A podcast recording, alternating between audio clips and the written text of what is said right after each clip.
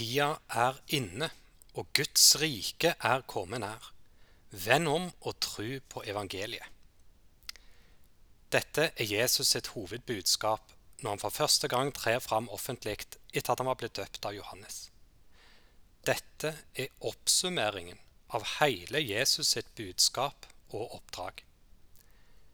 Jesus var ingen vanlig profet som bare pekte på det som skulle komme. Han var den som faktisk brakte det med seg. Nå, i og med Jesus, er Guds rike kommet.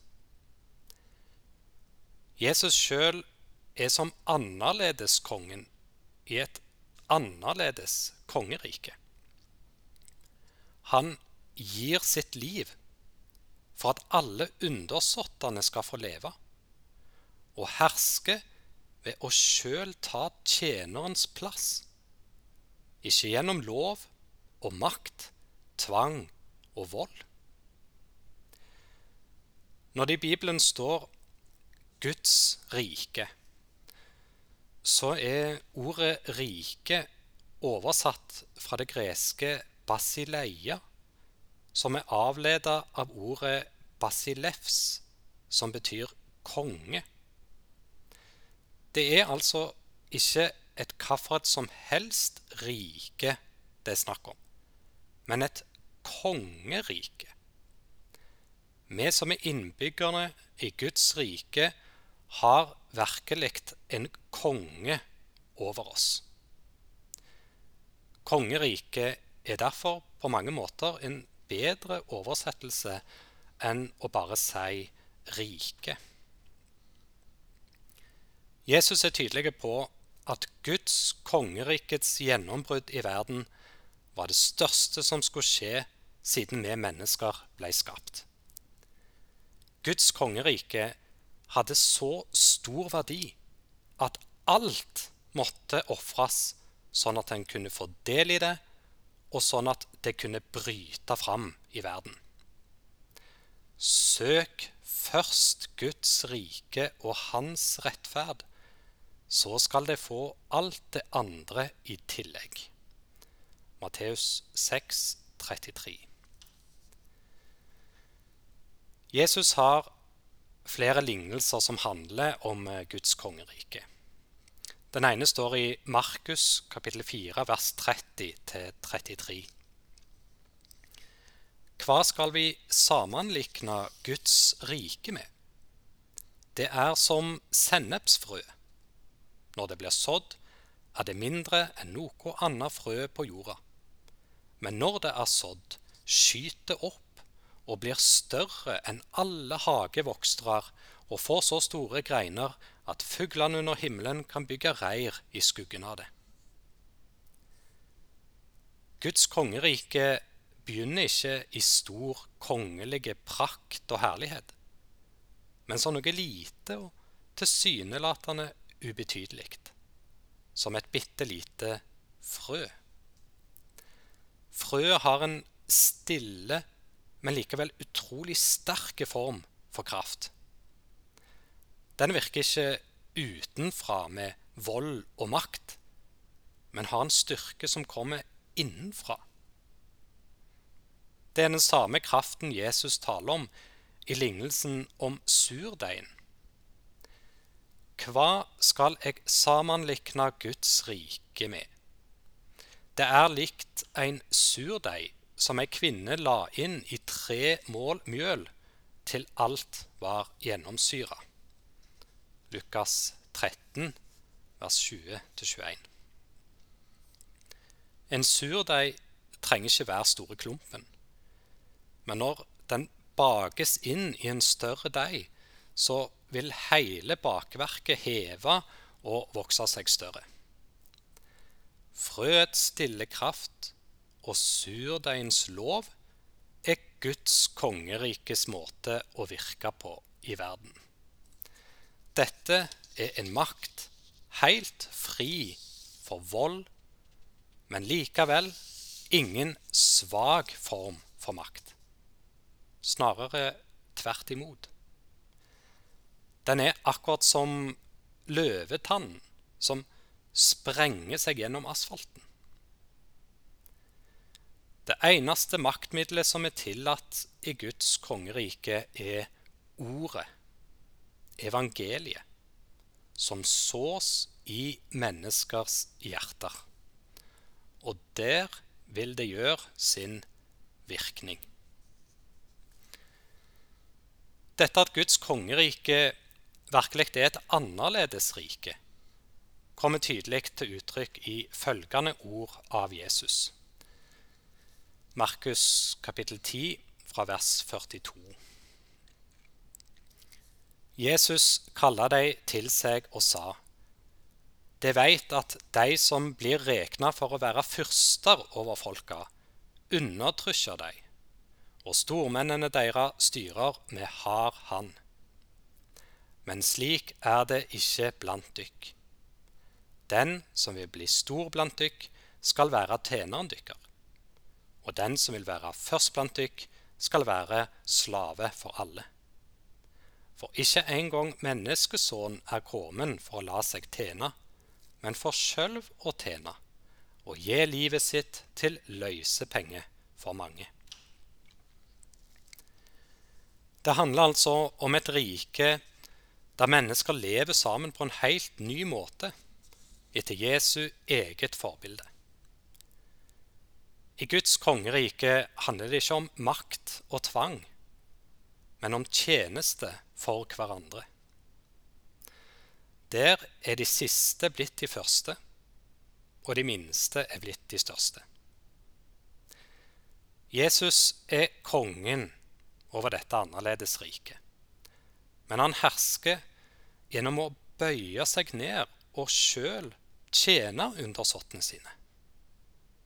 Det er som alle slaver han vasker disiplenes føtter. Normalt sett er det sånn at ingen jordiske konge bør dø i en krig. Han må normalt forsvares med alle tenkelige midler. Eller sånn som vi vet at det er i sjakk, der slaget er tapt dersom kongen blir tatt.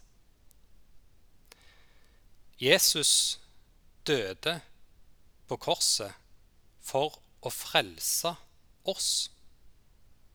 Igjen helt det motsatte. Jødene venta en frelsekonge som skulle forsvare folket og føre krig mot fiendene, sånn som en konge skal gjøre. Men den Messias Gud sendte, sto for noe helt annet. Jesus avviste all bruk av maktmidler. Guds kongerikes fiender er ikke mennesker, men djevelen og hans åndsmakter, som sår ondskap og synd i menneskers hjerter. Og det er her Jesus vinner seier i krig. Han befrir mennesker fra det som holder de bundet. Ikke med vold, men med frøets og surdeigens forvandlende kraft. En annen ting som er annerledes i Guds kongerike, er fellesskapet mellom alle innbyggerne der. De står nemlig mye nærmere hverandre enn i noen menneskeskapt nasjon. For menigheten er den synlige sida av dette kongeriket her på jord. Paulus kaller alltid sine medkristne for søsken, for brødre og søstre. Jesus òg sier for den som gjør det far min i himmelen vil, er bror min, søster mi og mor mi. I Matteus 12, 50. Guds kongerike er som en stor familie, og vårt egentlige fedreland er i himmelen. De tidlige kristne ble lagt merke til av samfunnet fordi de levde oppsiktsvekkende annerledes. De delte det de eide med hverandre, og ingen falt utenfor. som døpte borgere av Guds kongerike, ville de holde det Jesus hadde lært dem. Jeg tror at her ligger noe av hemmeligheten bak den enorme veksten som de første kristne menighetene opplevde. Så hva da med bergpreken? Bergpreken hos Matteus, den er som en grunnlov for det nye riket som Jesus brakte. Akkurat som Moses som gikk opp på fjellet og mottok Guds bud i den gamle pakt, så sitter Jesus på berget og gir lovene for den nye pakt, for livet i Guds kongerike. Bergpreken er altså ikke meint som et nytt Eh, lovforslag til menneskelige myndigheter eller stater. Sjøl det mest eh, humane demokrati i verden kan ikke være uten lover eller et rettsvesen som straffer forbrytere. Alle øvrigheter må på en eller annen måte utøve makt overfor innbyggerne sine. Det ligger i deres oppgave. Men i Guds kongerike er all form for maktbruk utelukka. Bergpreken beskriver livet i Guds kongerike. Og dette livet er sjølve frelsen. Frelsen, det evige livet, begynner her og nå. Og det er et gledesbudskap for fattige, et sted hvor fanger og undertrykte settes fri. Igjen fra Markus 1, 14. Tida er inne, og Guds rike er kommet nær. Vend om og tru på evangeliet. Når gledesbudskapet blir forsynt, så må en ta stilling til det. En må vende om og tro. Vi må vende om fordi livet i Guds kongerike handler om en helt ny måte å leve sammen på som mennesker. Helt ulikt alt annet i menneskenes riker.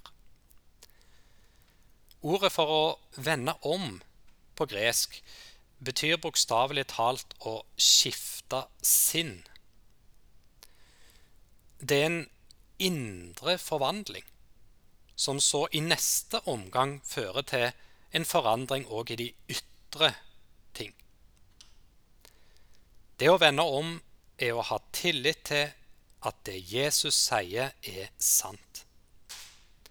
Samtidig inneholder det en innrømmelse av at vi så langt har gått i feil retning. Da må vi gjerne snu 180 grader. Livet i Guds rike er et liv der vi følger Jesus hvor enn han går. Dette livet er så viktig at Ingenting annet må komme i veien for det. De eh, rike, de som sikkert sikkert brukte mye av sin tid til å bestyre store eiendommer, gårder og jorder, ble møtt av Jesus med kravet om å gi bort alt. Kom så og følg meg, sier Jesus etterpå. Men òg de som hadde et enkelt yrke, for så vidt, som fiskere, måtte la garna sine ligge, i hvert fall for ei tid. Det å følge Jesus kosta de minst, som i utgangspunktet hadde lite å miste. Enten det gjaldt materielle goder eller sosial status.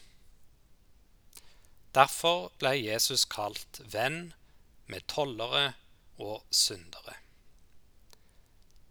Menneskelig sett er innbyggerne i Guds kongerike lite imponerende.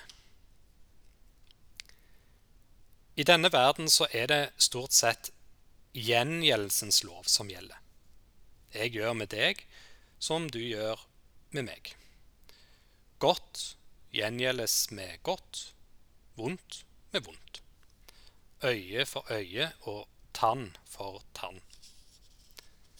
Men Jesus lærer sine disipler i bergprekenen en helt annen etikk. Han sier at du skal ikke gjøre mot det neste slik han eller hun faktisk gjør mot deg. I stedet skal du gjøre mot det neste det som du skulle ønske at han eller hun gjorde mot deg. Vi kaller dette den eh, gylne regel, og det er sannsynligvis det mest radikale bud som noensinne er gitt. Har du hørt noen andre si Elsk fiendene dykker. Gjer vel mot dei som hater dykk. Velsign dei som forbanner dykk, og be for dei som mishandler dykk.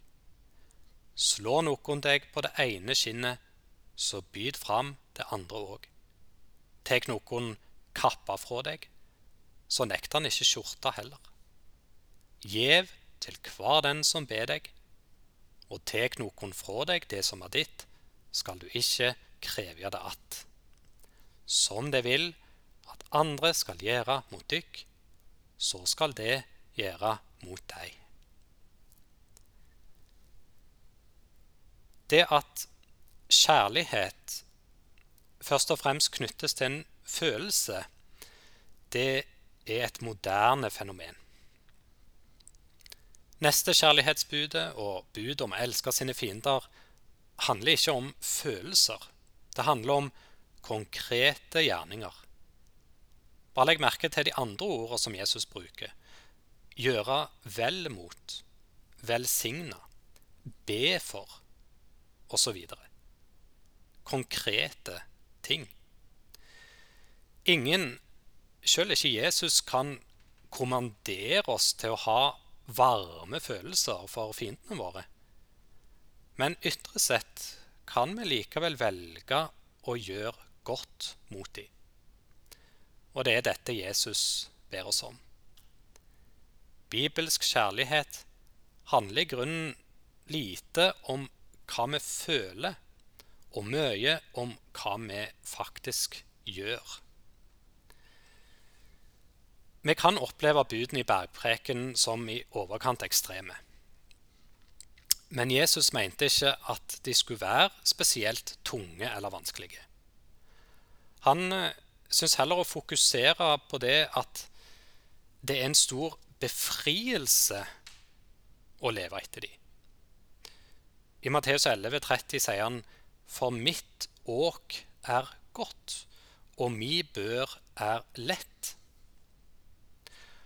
Å komme inn i Guds rike handler om frihet fra alle verdens sjølpåførte bekymringer, som egentlig bare syns å bli større og større jo rikere vi blir. Kanskje er Jesu bud gode og lette fordi de strengt tatt ikke er bud i det hele tatt, men mer eksempler på kreativ godhet. Jesus kom ikke for å bekrefte oss eller å fortelle oss at vi er gode nok som vi er, noe vi jo ofte hører i våre dager. Jesus kom for å forandre livene våre. Det er lite tale om synd i våre dager, men vi fjerner ikke realiteten som ordet synd beskriver, bare ved å ta bort ordet. Synd er noe som har makt over hver og en av oss. Og den ødelegger livene våre. Rusavhengighet er langt fra det eneste som kan ha kontroll over oss. Vi er faktisk like bundet av mammons makt. Denne trangen til stadig å eie mer, stadig skaffe oss nye ting. Og her ligger faktisk òg selve kjernen i dagens miljøutfordring. Men tør vi rike å innrømme det? Loven i Guds kongerike legger opp til en radikal omfordeling av godene. Bergprekenen begynner jo nettopp med Salige er de fattige. Salige er de som hungrer, de som tørster, osv. Jesus sine radikale ord om hvordan vi skal elske vår neste som oss sjøl, ja, til og med elske våre fiender, det var noe jeg opplevde nærmest som et bevis på at kristendommen var sann. For dette var for meg så totalt annerledes enn hva alle andre sa og tenkte at det nærmest bare måtte komme fra Gud. Da jeg kom til kirka, opplevde jeg at menneskene der var litt annerledes. De virka glade på et vis, og som om de virkelig brydde seg om meg. Jeg syns kirka var et trygt og godt sted å komme til. Når kirka viser verden hvordan Gud kan forandre oss og skape kjærlighet til andre mennesker i oss, da er det ingenting som taler bedre om at Gud fins, og at Jesu budskap er sant. Jeg tenker at Fortellingen om tolleren Sakkeus, som står i Lukas kapittel 19, på mange måter oppsummerer hva Guds kongerike handler om. Det handler om en som ser oss og møter oss på tross av våre svakheter. I seg sjøl er dette noe som har kraft til å forvandle livene våre. Sakkeus var ikke til å kjenne igjen etter at Jesus hadde sett ham der han satt oppe i morbærtreet, og så etterpå invitert seg sjøl hjem til ham. Her var det en som så det gode som bodde i Sakkeus, på tvers av alle de ytre fordommene. Og egentlig så var dette det eneste Jesus gjorde. For det første Sakkeus sier etter at Jesus har gjort dette, er Herre, halvparten av alt jeg eier, gir jeg til de fattige. Og har jeg truga penger fra noen, gjev jeg fire ganger så mye tilbake. Sakkeus, som før var sykelig opptatt av å karre til seg penger, han taler nå som en befridde mann en glad og lykkelig mann. Og så sier Jesus I dag er frelse kommet til dette huset. For han er òg en Abrahams sønn. For menneskesønnen er kommet for å leite etter de bortkomne og berge dem. Hva slags frelse er det egentlig snakk om her? Jeg tror Jesus mente det bokstavelig når han sa at frelsen, friheten, var kommet i dag. Der og da var Sakkeus blitt helbreda og satt fri til å leve livet i Guds kongerike.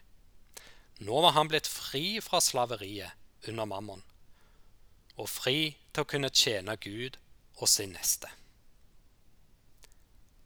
Fortellingen om Sakkeus viser oss at å leve etter Jesu bud ikke er en betingelse for å komme inn i himmelen.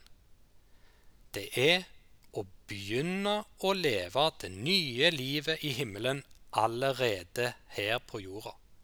Allerede her og nå. Frigjøringen begynner med at vi får høre disse ordene fra Jesus. Dine synder er deg forlatt. Bare han kan si dette.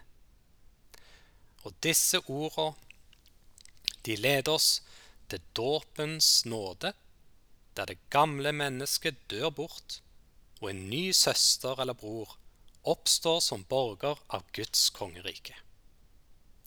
Evangeliet, det gode budskapet, handler om en ny begynnelse. En ny begynnelse for oss alle sammen. Et liv i frihet og glede.